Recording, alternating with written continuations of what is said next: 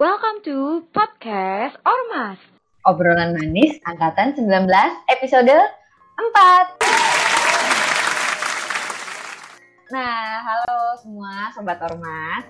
Kenalin nama gue Dep dan di sini ada rekan gue siapa? Nah, gue Tono. Hai Tono Hai. dan di episode kali ini kita bakal bahas apa nih Ton? Ya, kita bakal bahas sesuatu yang viral sih sebenarnya udah dari dulu dan udah banyak juga yang ngebahas nih. Tapi kita mau bahas lebih dalam Iya. lagi mungkin.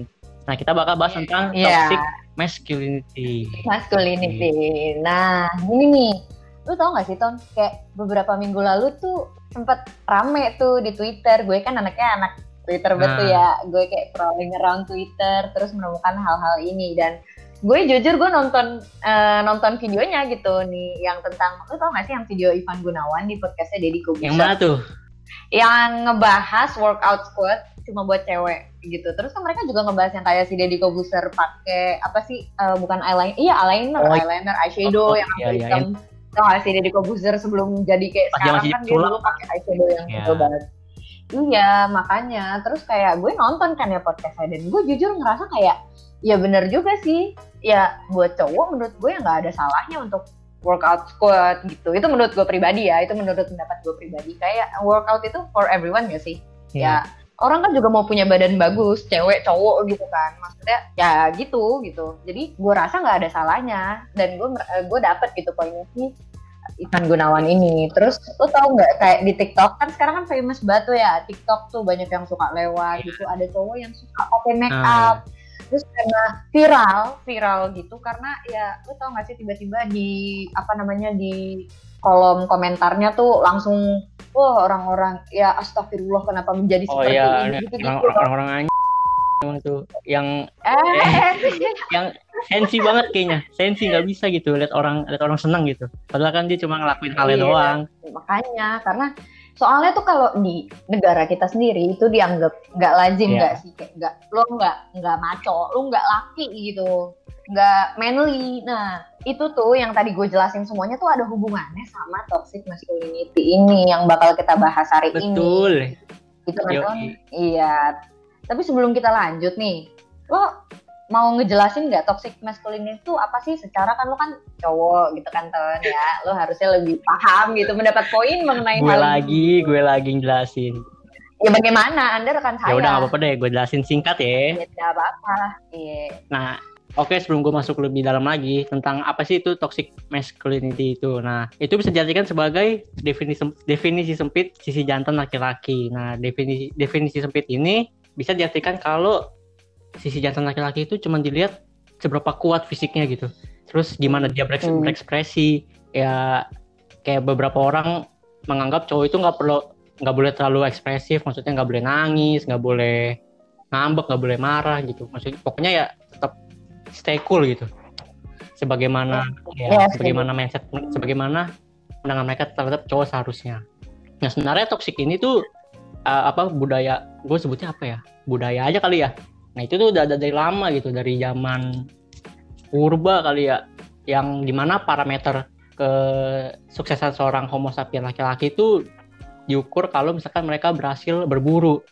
Nah, dan itu jadi Hmm. dan itu turun temurun gitu. Diteruskan budayanya jadi yang kuat adalah mereka yang bisa berburu, yang kuat adalah mereka yang laki-laki. Nah, eh, budaya itu kalau nggak salah Hmm. sampai 1980 atau 1990 mungkin kalau gue nggak salah inget. Dan Iya, soalnya itu gue boleh nambahin nggak tuh ya boleh, itu tuh soalnya istilah toxic masculinity ini itu berasal dari seorang psikolog namanya Shepard Bliss pada tahun 1990 nah Dan menurut dia ini istilah ini digunakan untuk memisahkan dan membedakan nilai positif dan negatif dari laki-laki.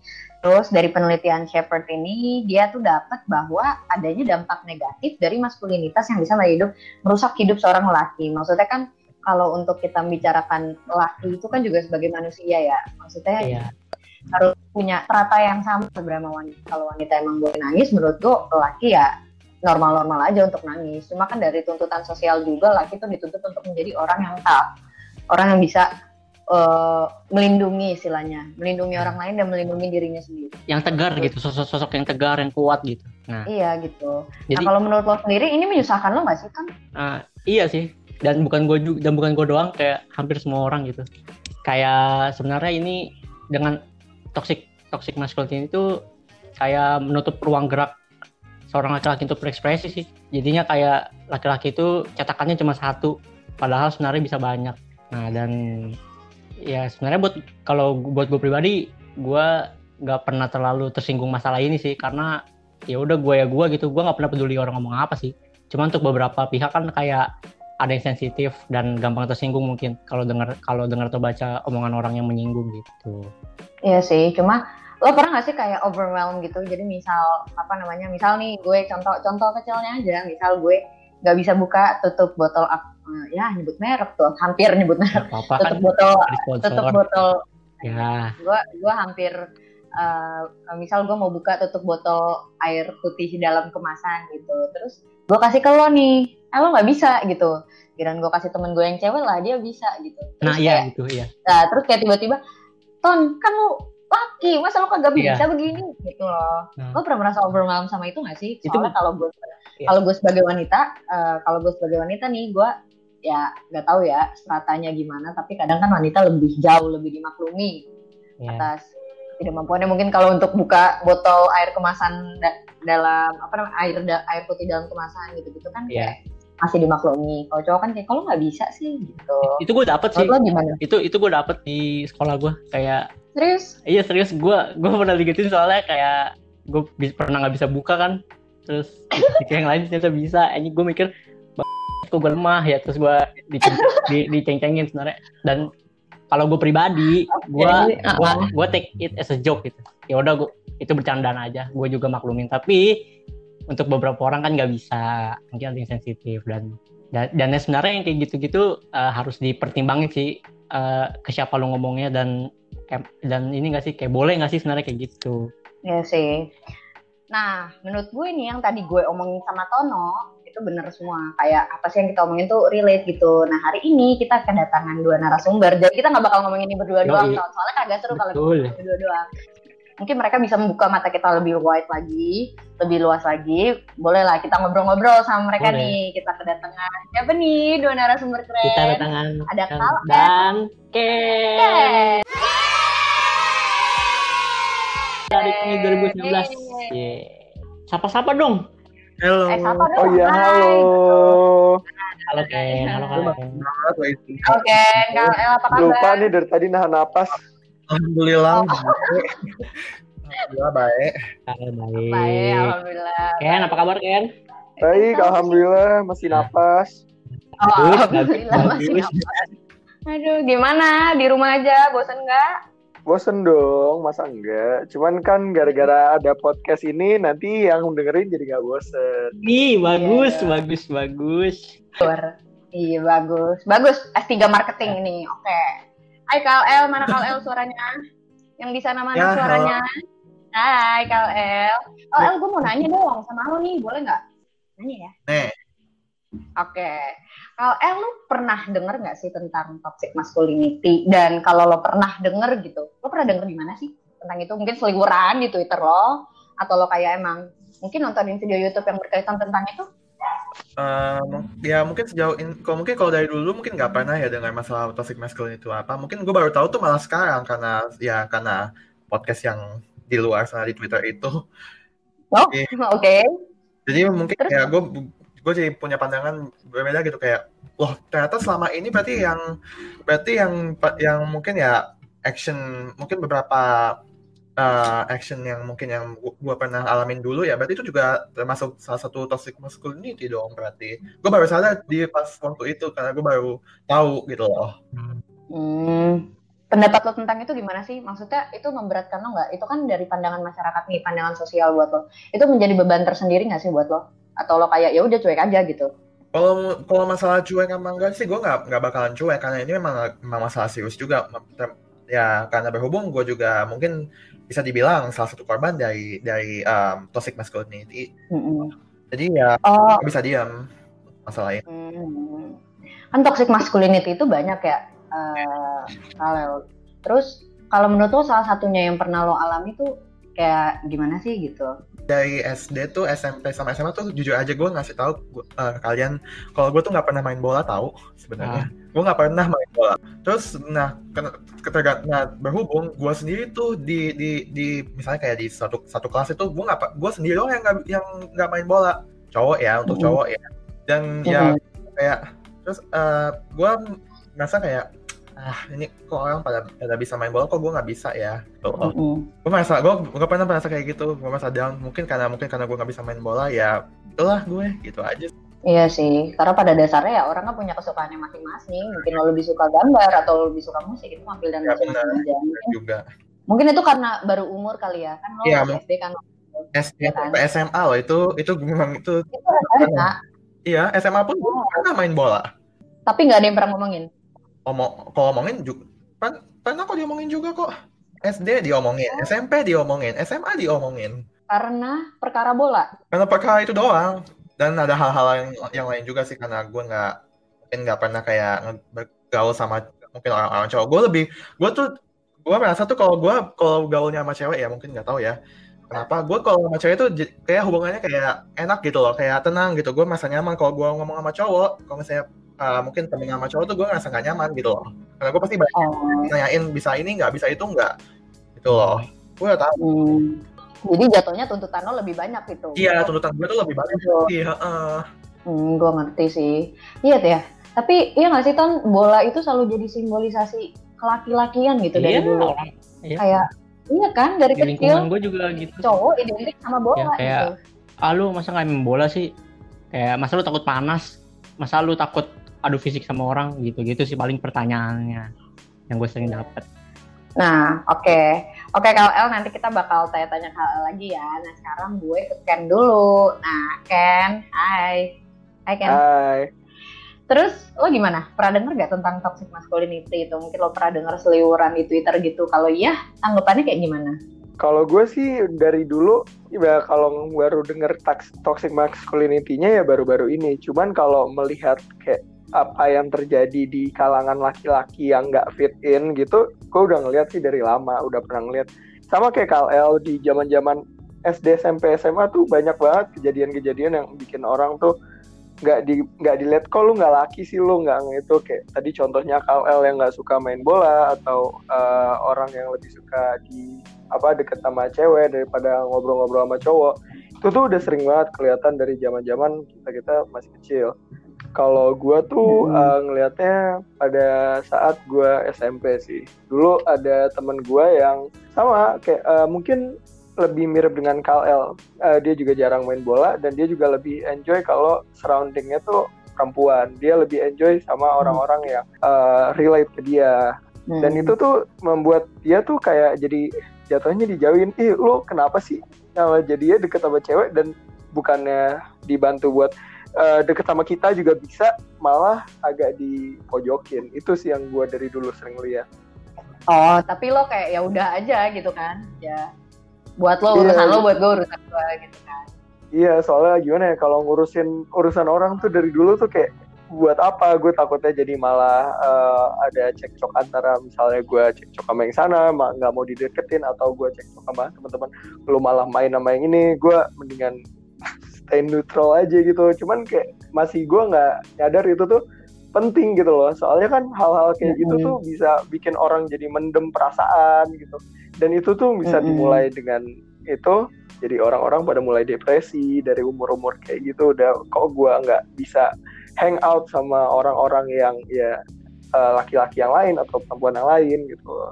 Iya, tapi lo sadar nggak sih as we major kayak sama ini gue di uh, kuliah nih, mungkin karena gue kan SMA di asrama ya dan itu tertutup banget. Itu literally tertutup banget yang kayak gue nggak tahu gimana dunia luar gitu kan. Pas gue keluar wah orang macem-macem. Nah kalau menurut lo semua nih ya Kal L dan Ken ini Tono juga boleh nih berpendapat ya. Menurut kalian toxic masculinity itu datangnya dari mana? Menurut lo nih, ini karena konstruksi sosial kah, pandangan orang-orang kah terhadap toxic masculinity itu sendiri, atau emang udah kodratnya gitu kalau cowok tuh menjadi cowok harus tangguh, harus jadi tumpuan, harus tough gitu. Kalau menurut gue tuh apa toxic masculinity yang ada tuh sekarang uh, emang nunjukin banget gimana kebebasan buat laki-laki mau ngapain yang dia ituin cuman kan dari dulu tuh kayak ada orang kodratnya laki-laki ya harus tangguh lo harus bisa ngeprotek siapa pun yang apa yang ada di hidup lo gitu kan cuman tuh Hmm. sebenarnya kalau dipikir-pikir sampai sekarang laki-laki tuh harus juga loh bisa mengekspresikan perasaan dan juga misalnya itu uh, ada ke- ketangguhan dia ya harus bisa dia balancing mungkin nggak harus sepenuhnya tangguh cuman ya at least uh, dia bisa juga ngejaga dia dan orang-orang si dekatnya Mm-mm. Oke, kalau apa namanya, El, ada tanggapan? Kalau kalau mungkin menurut to- toxic masculinity datangnya dari mana? Mungkin dari kodrat mungkin laki-laki mungkin secara harfiahnya mungkin ya, secara hierarkinya mungkin karena laki-laki itu harus tangguh, harus bisa mungkin menjaga mungkin keluarganya atau menjaga mungkin adik-adiknya mungkin sebagai contoh mungkin ya, sebagai contoh bagi um, adik-adiknya mungkin seperti itu sih, Dep. Iya sih. Gue Gue juga sebagai wanita, gue melihatnya seperti itu. Mungkin karena emang dari dulu diajarin kan ke- kepala keluarga ayah ya, ayah kan sosok lelaki gitu. Mungkin dari situ kali ya emang daripada eh, emang pada basicnya tuh eh, toxic masculinity tuh memang ada. dari Mulai. mananya ya paling pasti dari, dari turun temurun kayak dari orang tua kan yang paling pertama terus juga Hmm. uh, mindset itu yang kebentuk kan lingkungan lu ya jadi lu berteman sama siapa itu pengaruh banget jadi misalkan laki-laki misalkan gua temenan sama yang lain gitu terus yang lain kayak Mm-mm. main bola main yang yang laki banget lah gitu kata orang kesannya gitu nah ya pasti antara gua ngikut atau enggak gue dijauhin gara-gara gua nggak mau ngikut paling gitu doang sih pertimbangannya by the way Hmm. Tadi menit kan kita udah sempet nih bahas tentang toxic masculinity. Itu bisa diartiin, bisa diartiin eh, definisi sempit kejantanan laki-laki yang ngebuat eh, di males berekspresi gitu karena dinilai cupu atau atau sebagainya lah. Nah, menurut gue mau tanya kalian dulu deh, tanya kalian dulu kali ya. eh Ada nggak sih hal-hal yang menurut lu sorry ya masuk ke cewek-cewekan gitu? Dan kalau eh, lu tahu dan lu pernah ngelakuin, lu gengsi nggak sih ngelakuin hal itu? Enggak sih, gue nggak terlalu gengsi ngelakuin hal-hal mungkin yang mungkin yang bilang feminis ya. Karena gue cara gue ngomong aja orang, orang bisa bilang feminis loh kalau kalau gue.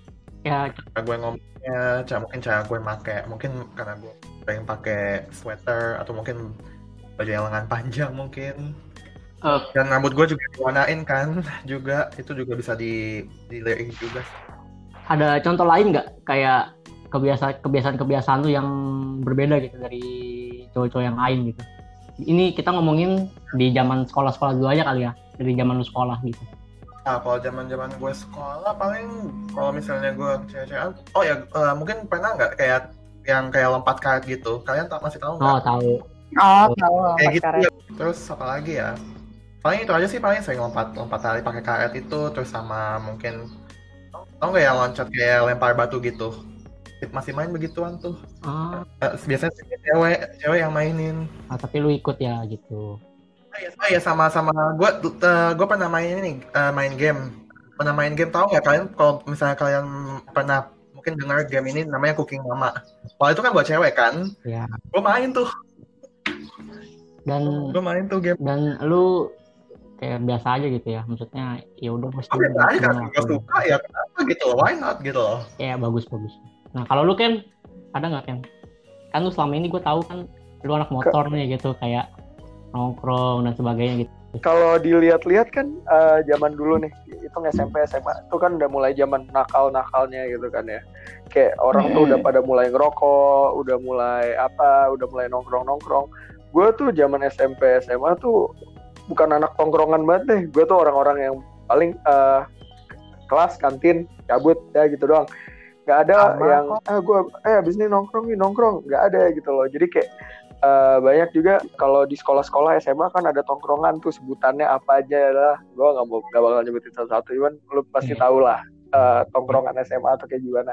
Gue tuh nggak pernah ikutan kayak gitu tuh. Dan orang tuh pada nanya Ken lu kan sering apa main-main sama cowok-cowok yang lain kenapa lu nggak sekalian ikutan tongkrongan kan tongkrongan tuh keren.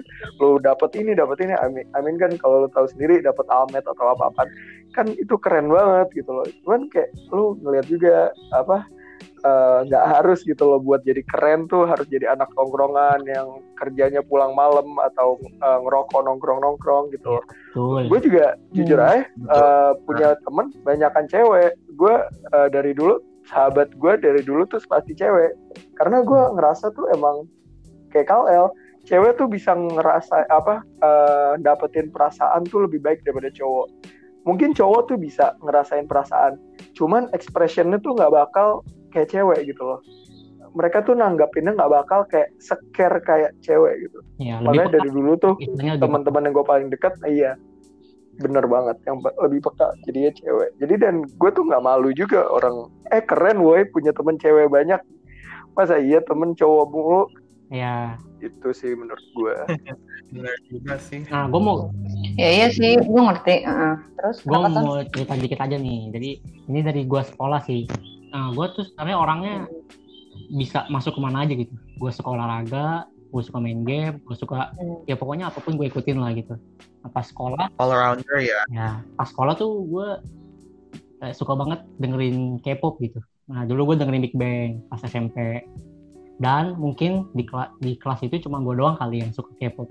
Ya karena itu karena teman-teman cowok gue nggak suka lagu lagu K-pop itu ya gue di kayak dibercandain lah gitu diketawain padahal padahal gue juga anaknya ya masuk olahraga gue gue bisa nimbrung ke mana-mana gitu nah buat Kalel sendiri Kalel kan lu suka K-pop kan kayak Eh. sekarang menurut lu gimana sih tanggapan orang-orang kayak gitu Ya, sebenarnya kalau misalnya memang mereka nggak suka K-pop ya it's fine gitu loh. Se- Selama itu nggak mengganggu gue gitu loh. Karena memang ya sebalik lagi ya semua orang ya mungkin nggak ya, kita juga nggak bisa maksain orang untuk suka mungkin tipe-tipe lagu tertentu gitu loh. tapi Ya ini kan- makanya gue juga mikir kayak gitu sih. tapi oh, pada akhirnya lu tetap ngelakuin gak sih walaupun orang-orang bilang lu gak laki lah atau lu kayak banci lah gitu Apa-apa ya selama selama gue merasa nyaman dengan itu ya memang nggak apa-apa gue melakuin aja kok. ya yang penting lu seneng aja ya gitu buat Ken nih kan tadi lu udah jelasin nih kenapa tuh? Hmm, ya yang cerita cerita pas lu SMA gitu gue mau nanya nih pendapat Hmm. lu tentang cowok ngelakuin hal-hal yang eh mungkin kalau dari stereotype itu terlalu ke cewek-cewek gitu pendapat lu? Eh, gue bilang sih pendapat gue ya. Eh, dari dulu pun gue juga ada teman-teman yang apa perilakunya agak kecewaan. Dan gue bilang tuh orang-orang yang kayak gitu tuh sebenarnya kalau lo mau bener-bener deketin I mean deketin as in a friend orangnya tuh bisa asik loh. Kayak orang-orang kayak gitu tuh soalnya laki cuman ekspresif. Jadi tuh dia bisa ngertiin apa yang lo omongin dia dia tahu harus ngomong apa soalnya orang gue punya teman zaman SMP dan masih jadi teman gue sampai sekarang walaupun gak deket-deket banget. Dan tiap kali ketemu dia bisa banget bikin apa suasana di sekitar tuh jadi asik. Jadi mungkin ada saatnya dia kadang-kadang agak lebih annoying karena apa eh, bukannya gue stereotyping cuman dia agak lebih eh, lebay dalam eh, menanggapi sebuah sesuatu cuman tuh eh, di kalanya dia lagi happy dia lagi eh, at the mood dia tuh bisa banget eh, bring up the suasana gitu loh bikin suasana asik-asik aja tuh dia bisa gitu loh. Hmm. Tapi lu pernah gak sih? Ini jujur aja ya, lu pernah nggak gitu kayak kepikiran kayak ini orang kenapa sih kayak gini gitu? Kenapa sih dia kayak suka hal-hal yang berbau sorry ke cewek-cewekan gitu? Pernah nggak muncul di pikiran kayak gitu? gue sih pernahnya mikirnya kayak apa yang ngebuat dia lebih bisa enjoy ke itu daripada kita gitu loh dan menurut gue tuh itu dia pasti ada input dari kebiasaannya dia antara kebiasaan di rumah atau tontonannya dia pun juga bisa ngebuat eh, perbedaan loh jadi misalnya dari kecil juga dia eh, beradaptasi dengan misalnya dari kecil ngelihat YouTube atau TV yang eh, ngenunjukin banyak hal-hal yang akhirnya dia enjoy kayak binatang gitu kan Hmm. biasanya kalau orang-orang yang sorry aja apa lebih feminim side dan dia tuh biasanya eh, cinta banget binatang kan lama-lama cinta banget binatang terus habis itu punya plushies gitu-gitu kan jadinya lama-lama eh, ekor lah Oh, iya, biasanya iya. menurut gue sih gitu Tapi lu kayak ya udah sekarang masa bodoh lah ya, mau orang kayak gimana gitu. Asal Mas, baik. iyalah masalahnya lu mau ngurusin orang juga buat apa apalagi orangnya tuh nggak ada salah buat lu Iya benar. enjoy aja lu punya temen gitu loh Eh bener juga, bener juga sih ngapain juga ngurusin orang juga capek-capek dan nggak nggak bakal ada ujungnya juga Iya. gitu loh. Iya betul. Kalau tanggapan gue sendiri ya sebenarnya nggak ada masalah untuk punya sisi feminim dalam dirinya. Seperti kalau lo emang udah stres banget kayak atau lo patah hati yang patah-patah hatinya atau lo lagi ada masalah yang berat gitu, itu nggak apa-apa untuk seorang laki itu buat nangis gitu, buat nangis untuk nggak kuat menghadapi sesuatu. Menurut gue itu wajar-wajar aja gitu. Karena emang kita adalah manusia gitu manusia makhluk sosial yang punya perasaan yang dikasih hati dikasih otak untuk berpikir gitu. Walaupun mungkin emang dalam strata sosialnya emang laki itu dituntut untuk menjadi lebih tough menghadapi dunia nih. Cuma ya kita nggak bisa selalu tough bro. Kita manusia kita juga punya batas kita punya limit dari diri kita masing-masing dan menurut gue itu berlaku di antara wanita dan di antara laki-laki Betul. gitu. Jadi menurut gue ya nggak ada yang salah gitu dari eh, laki-laki yang punya sisi wanita ataupun laki-laki yang bermain dengan wanita itu mah tergantung kenyamanan masing-masing aja sih. Dan eh, apa namanya dan walaupun laki-laki dituntut untuk tampil selalu wah gila manly tough gitu. Cuma kan orang kan punya bebannya masing-masing gitu kalau menurut gue. Kayak sebenarnya nih kayak apa sih eh, ini gue mengutip Kal L aja ya Kal L. Ini lo jangan tersinggung tapi ya kalau Yeah. tersinggung mohon maaf gitu. Kalau dicat rambutnya. Nah sama ini tuh yang gue lihat tuh eh, yang dicat tuh cewek nggak sih? Kayak dari strata sosial kayak wah cewek nih rambutnya warna-warni kalau menurut gue cowok nggak apa-apa. Keren rambut lo. Itu menurut pandangan Thank gue.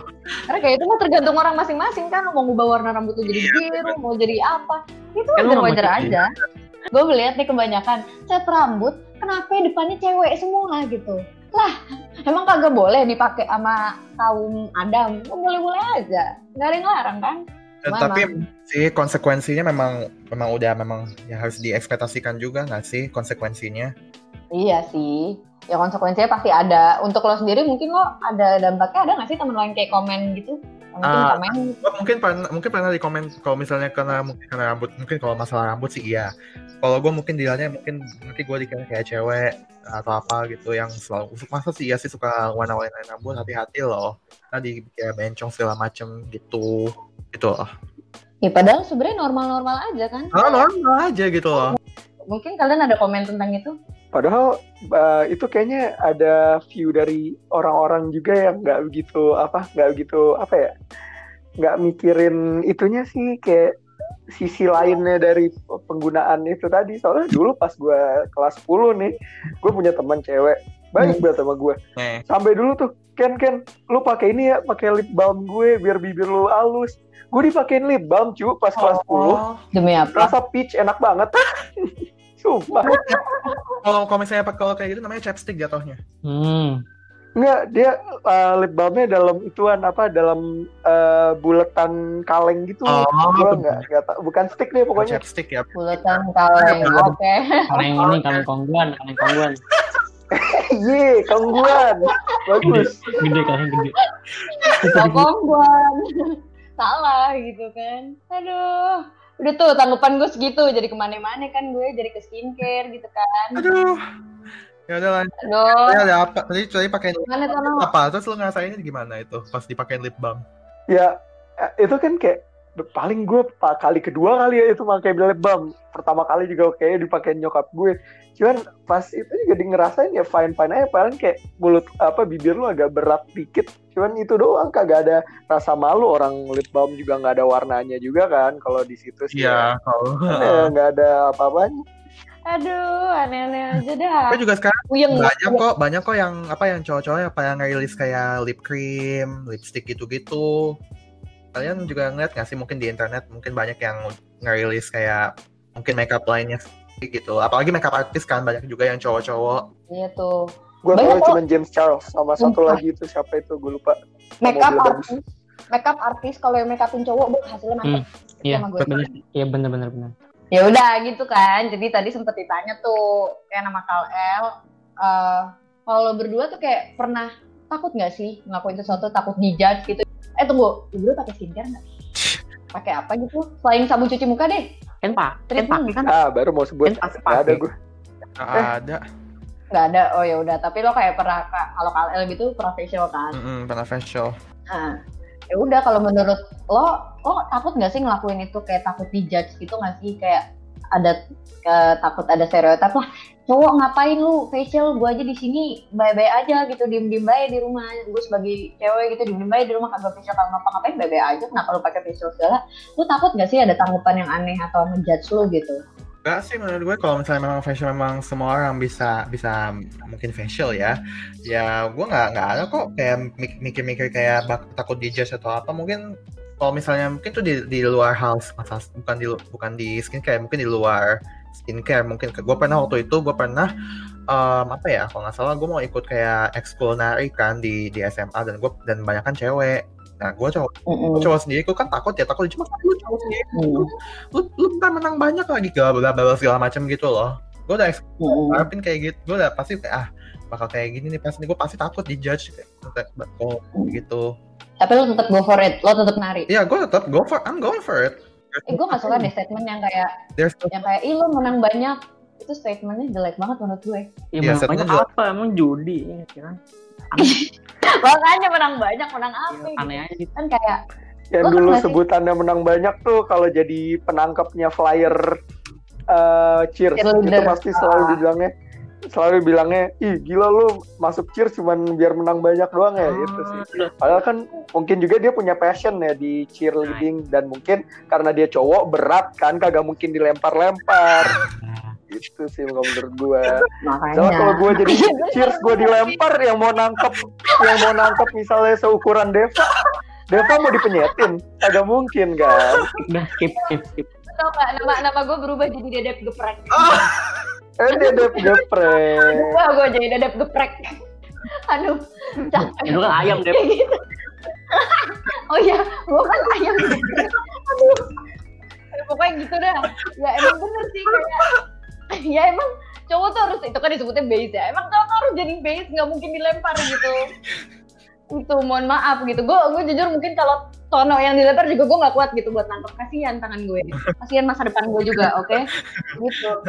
Kasihan juga masa depannya Tono. Kalau kagak ketangkep Ya, sama gue gitu kan. Dua lagi.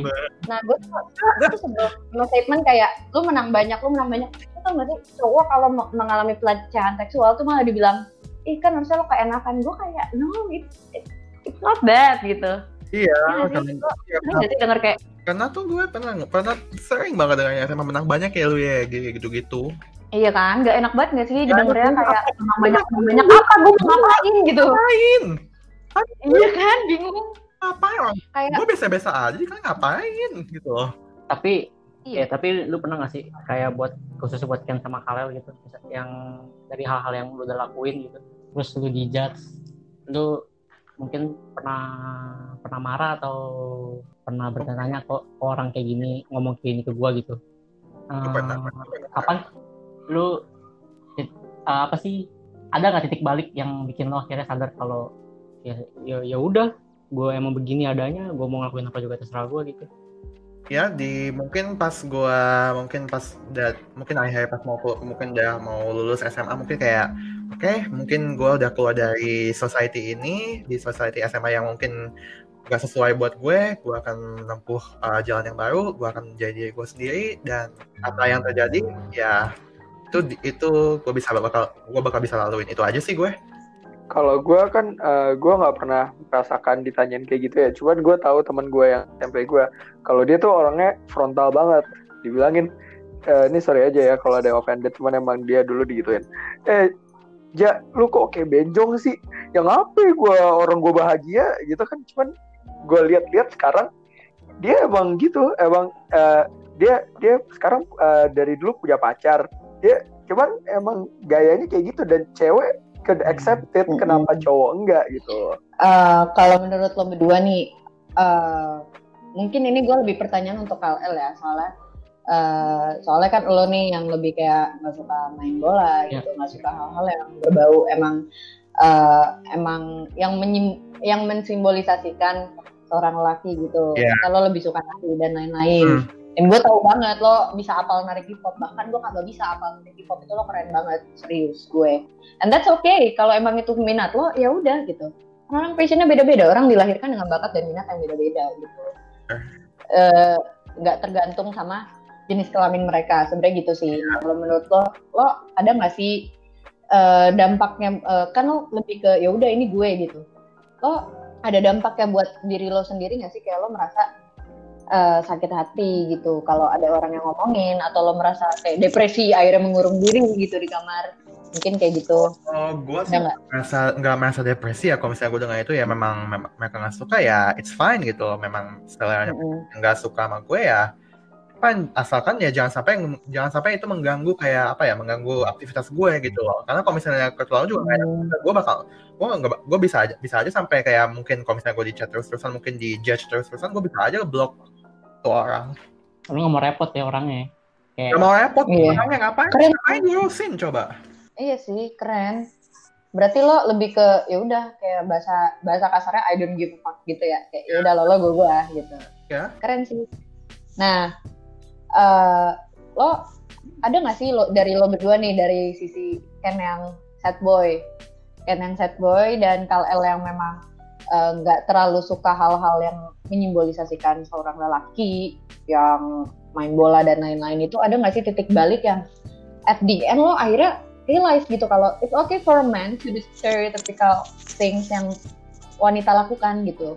Ada nggak sih titik itu yang kayak gue nggak apa-apa gue nggak apa-apa nangis gue nggak apa-apa gue nggak apa-apa nggak apa-apa nari gitu Coba gue pengen denger dari KL dulu. Iya. Soalnya kalau gue ntar gue seru ini memang lagi. tempatnya untuk merocos ini samping yang wadah kayak gitu silakan KL Kalau tidur apa tadi? lo ada nggak sih titik balik yang lo akhirnya sadar kalau it's okay buat gue jadi seperti ini, buat gue yang nggak menyukai hal-hal yang terlalu memiliki simbol seorang laki, buat Iya. gue yang pada akhirnya wah ya udah gitu, gue main sama cewek gitu, ada nggak sih kayak stereotipikal ya eh apa ada nggak sih pikiran yang bikin lo kayak ya udah nggak apa-apa gitu, lo nggak apa-apa bersikap seperti itu.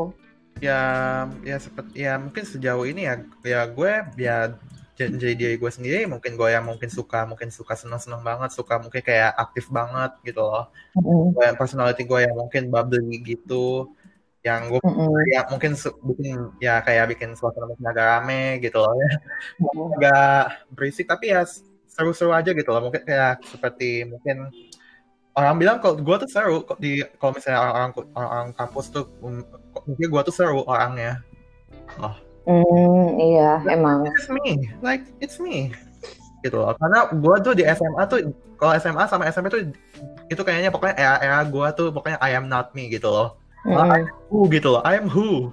Gue siapa sih gitu loh. Berarti lo bagus sih dengan lo punya pikiran yang seperti itu. Bagus, kita pertahankan.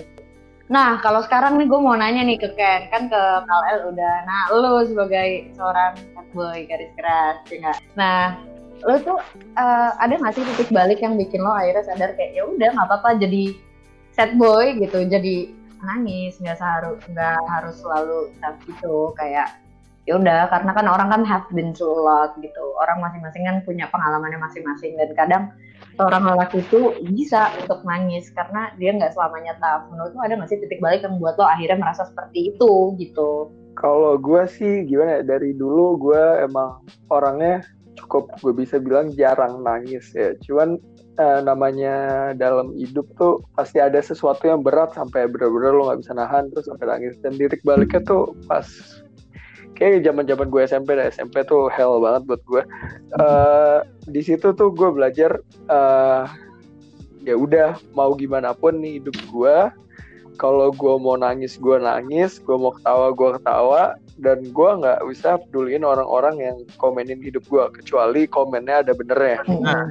Gitu sih. Soalnya eh, di masa-masa SMP tuh ya gue tuh ngerasain banget di mana eh, temen-temen yang beneran ada buat gue dan orang-orang yang cuman di sini cuman buat acquaintance kenal doang. Mm-mm. gitu. jadi titik balik lo tuh berarti Dan pas SMP gitu ya? Pas SMP gue ngerasa banget di situ. Ya nggak apa-apa. Gue bisa menerima lo yang sad boy kok Ken? Iya. Oh, ntar oh ntar ntar kalau sama gue jadinya happy boy bodoh. Iya. Bodoh. Iya, Iya. tunggu ya guys tanggal jadiannya setelah podcastnya turun jangan lagi ya. Jangan jangan bikin oh gue serahkan kepada Ya, Halo. karena udah satu ya udah gue tutup aja lah kita udah ngobrol panjang juga udah 40 menitan ya kalau nggak- kalau nggak salah Nah, dari tadi yang udah dibahas dari KLL yang suka K-pop dia nggak main bola dan segala macem akhirnya dia dirinya sendiri dan juga Ken yang ya Ken suka bergaul tapi dia juga nggak mandang siapa-siapa gitu. Nah kita bisa ngambil kesimpulan kalau tetap mungkin tetap jadi diri sendiri kali ya.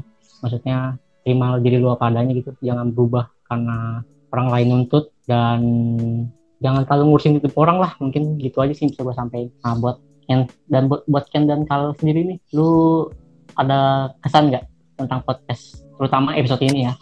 Dari Ken dulu mungkin Uh, kalau menurut gue sih gue senang banget bisa ngangkat topik yang ini, topik yang berat, uh, topik yang bisa dibilang juga uh, nggak semua orang bisa ngehandle dengan baik.